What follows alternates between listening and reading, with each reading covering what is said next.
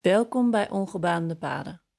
Ik ben Anne en in deze podcast neem ik je mee op mijn hike over de Pacific Crest Trail in Noord-Amerika. Dat is een lange afstandspad van Canada tot Mexico. En in deze eerste reeks loop ik in enkele maanden van Canada tot in Noord-Californië, zo'n 1800 kilometer. In elke aflevering deel ik mijn avonturen, persoonlijke uitdagingen, gevoelens en inzichten met je, al wandelend over de trail.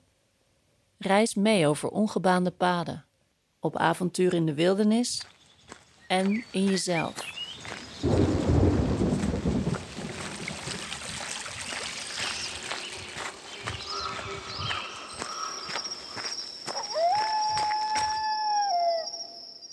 Volledig bijgetankt liep ik na één nachtje weer weg van White Pass. Dat was een tankstation waar je niet alleen kon tanken, maar waar ze ook zowaar een wasmachine, douche, eten en kampeergelegenheid hadden. Eigenlijk hadden ze alles waar een verwilderde lange afstandshiker van droomt. En nu ik 500 kilometer in de benen had zitten, liet de trail me weer mooi zien dat net nu ik mijn zogenaamde eenzaamheid omarmd had, het gedaan was met het alleen zijn. Al gedurende de eerste dag wandelen passeerde ik het gezellige hiker-trio Pokey, Dopey en Droppy. Ja, ze klinken een beetje als de dwergen van Sneeuwwitje en soms hadden ze daar ook wel wat van weg, al waren ze een jaar of 22. Maar ik zou ze later nog heel veel tegenkomen. En later die dag liep ik samen met een andere, meer bedachtzame jongen, al pratende over politiek naar mijn eerste kampeerplek. De volgende dag zou de dag van Goat Rocks zijn. Daar keek ik eigenlijk al weken naar uit. Een prachtig en dramatisch hoogtepunt van de Pacific Crest Trail in Washington. Een hele dag lopen over lange en steile bergkammen rond de 2400 meter met vergezichten op alle grote toppen in de omgeving. En dus besloten we om door te lopen tot vlak voor die laatste klim, zodat we de volgende ochtend vroeg konden vertrekken voor een lange en mooie dag. Althans, dat was het plan.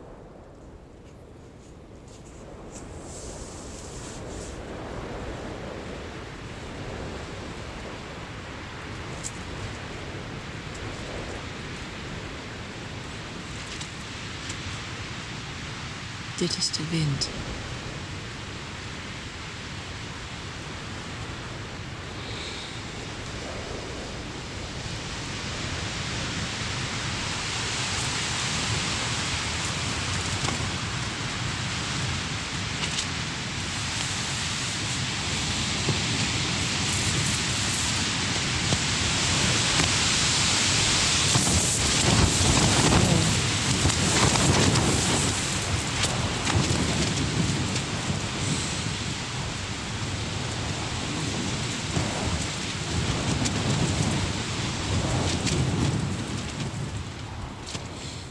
lijkt bijna alsof het van de ene.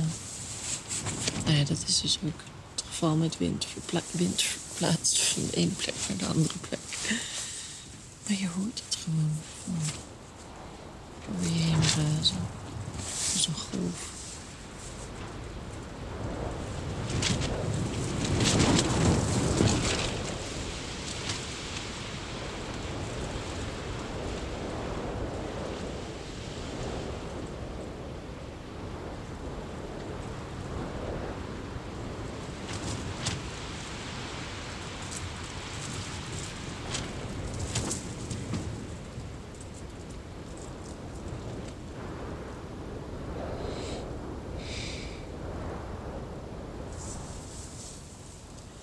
Het is um, vier uur s'nachts of zo.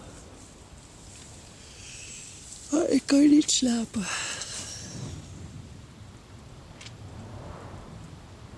Omdat die wind met windstoten. En het steeds weer iets anders is. Dus ik heb het idee dat die... Um,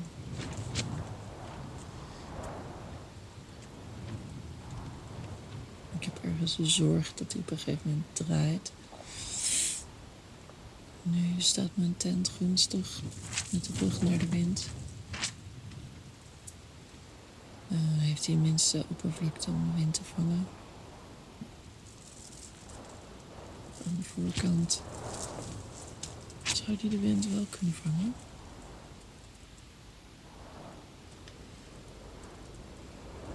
Als er dan zo'n windvlaag is, dan uh,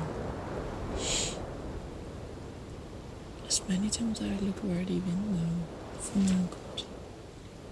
Dit keer.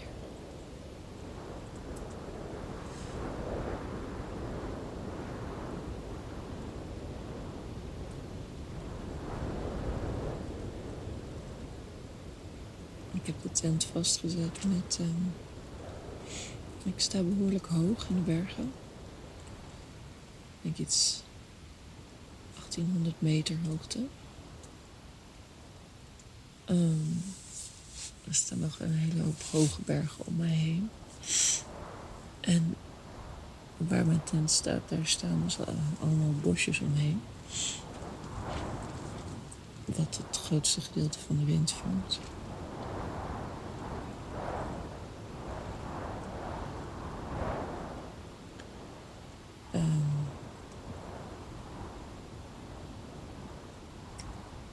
Maar ik heb mijn tent moeten opzetten op een stuk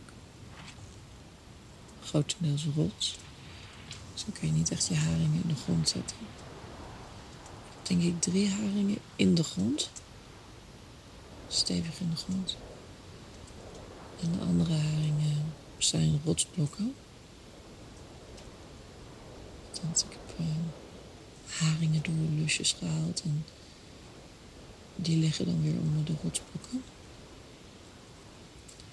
Het staat wel stevig. Dat waait niet weg, maar ik ben eerder bezorgd of uh, het tentdoek de wind houdt. Dat de wind op een gegeven moment daardoorheen. Ik heb geen idee hoe dat werkt. Of het het kapot kan maken of zo.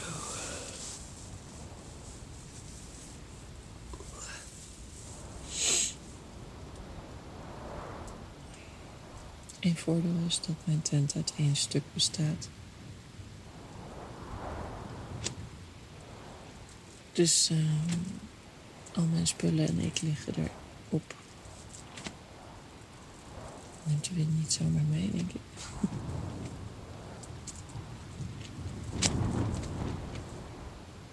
maar is het ook kapot. Ik niet. Een nieuwe uitdaging.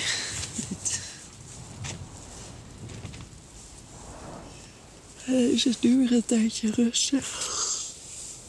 Dan denk je, oh ja, nou, ik ga wel weer lekker slapen. En dan, en dan komt die wind ineens weer op. Iets verderop staat ook een, uh, een, een, uh, een jongen gekampeerd. Maar die staat onder de bomen. Ik geloof dat ik daar al helemaal niet jaloers op ben. Er staat een paar dode bomen. of half dode bomen, of niet met halve tak, dode takken. Ik zou de hele nacht bang zijn dat die takken op mijn hoofd zouden vallen. ik hoop niet dat het hem gebeurt.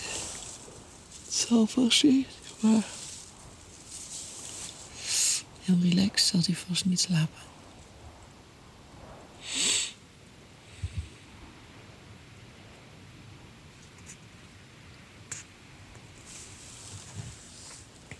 Nou ja, laat het hier maar even bij. Weer een nieuwe uitdaging dus. Gelukkig was ik inmiddels zo gewend aan dit soort verrassingen dat ik niet meer echt geschokt of teleurgesteld kon zijn, maar blijkbaar dacht in termen van weer een nieuwe uitdaging. In White Pass had ik al naar het weer voor de komende dagen gekeken en ik had gezien dat er slecht weer op komst was maar koppig bleef ik hopen dat het vertraging zou oplopen ergens tussen die bergen. Maar helaas, na deze doorwaaide nacht werd ik wakker in een mistige alpine weide met nog steeds heel veel wind. Ik sprak een afdalende hiker over de condities op de top. Hij had op de top gekampeerd, met zijn camera met megalens continu tegen zijn oog geplakt. Voordat de wind opstak was het blijkbaar nog prachtig geweest. Maar ook al was hij nog steeds high van zijn ervaring, hij moest toch toegeven dat zijn afdaling misschien niet al te veilig was geweest, met nauwelijks een paar meter zicht en rukwinden van alle kanten. Maar met compleet doorweekte glimlach beloofde hij me plechtig dat het vanmiddag beter zou worden. Maar ik had besloten: no way dat ik die top op zou gaan vandaag. Geen zicht tijdens een steile klim, rukwinden terwijl je over smalle topjes loopt. En bovenal, er was mij uitzicht beloofd. En dat laat ik me niet afpakken. Hoewel een zogenaamde zero day on trail me ook redelijk vreemd in de oren klonk. Maar ja, dat was dan even niet anders. En sterker nog, ik heb die dag mijn tentje gepakt en heb zelfs negatieve miles teruggelopen om een plekje uit de wind te vinden. Ik wist nauwelijks wat ik die dag met mezelf aan moest. Lezen, water halen, eten, schilderen, schrijven. Dingen die ik normaal eigenlijk heerlijk zou vinden, maar daar in mijn actieve ritme leken ze me vreemd en voelde ik vooral veel onrust. Een vreemde ervaring, maar een waar ik daarna heel erg dankbaar voor was. Want wat was die volgende ochtend mooi en bijzonder. Kijk, hier ga ik overheen. Straks daar overheen. En weer helemaal tot volgen. Helemaal in mijn. Fucking freaky. En gestoord misschien ook. Even kijken waar is hij. Oh ja. At that bad boy. Die is mooi. Nou, als ik val, dan heb ik mijn uh, InReach uh, tracking device aanstaan. Dus dan kunnen jullie mijn lichaam ergens uh, komen ophalen. Oké.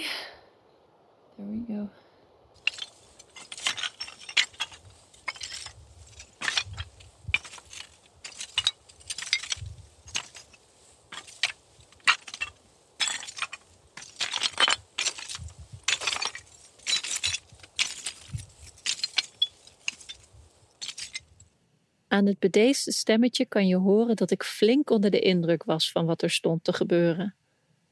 Een klim over een heel schuin, smal paadje, dwars over een zeer steile helling met eindeloze afgrond. Ik wist dat ik het kon. En ik wist ook dat de condities perfect waren. Maar de gevolgen van één kleine fout leken ineens zo tastbaar nu ik daar stond met al die reuzen om me heen. Maar eenmaal het steilste en smalste stuk voorbij, hoor je me switchen van angst naar ontlading. Helemaal volgens die keten. Wat loopt eerst aan de zijkant van deze steile berg. En dan loopt het daar beneden over die verschillende bergkammen. Helemaal met het uitzicht op Mount Rainier.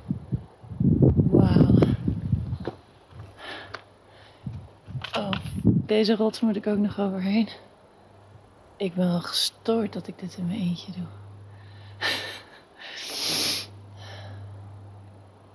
Fuck. ah. Fuck hell. Dit is zo mooi. En gestoord zeg, dat ik dit in eentje doe. Echt gestoord.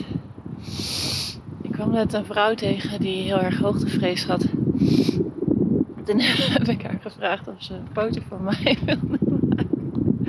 Als afleiding. en natuurlijk omdat ik ook een foto van mezelf wilde. En toen heb ik haar vervolgens geadviseerd om te zingen. Omdat je daarvan gaat ontspannen. Wow. Sick. ik snap nu waarom ik gisteren, als ik kampeerde ergens hier, ergens in het dal. Ik weet niet of ik het kan zien vanaf hier, maar nee, niet helemaal. Ik kan me nu voorstellen waarom ik gisteren geschreeuw hoorde. Mensen zijn geweest die hier waren en een soort van lijfkreet gingen doen. Dat ga ik nu ook doen.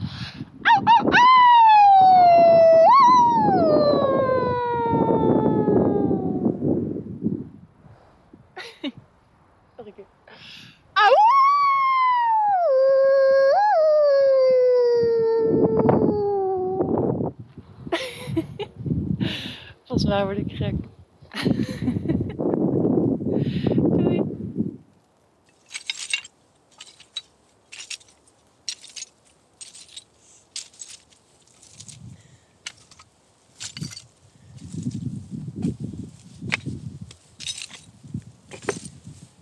Dit is het geluid van de stenen op de berg Old Snowy Mountain in Goat Rocks. Goat Rocks Wilderness.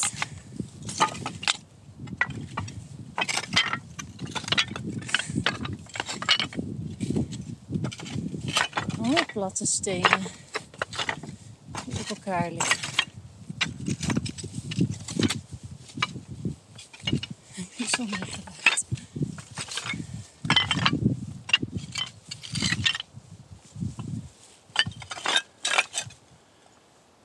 Met een perfect uitzicht.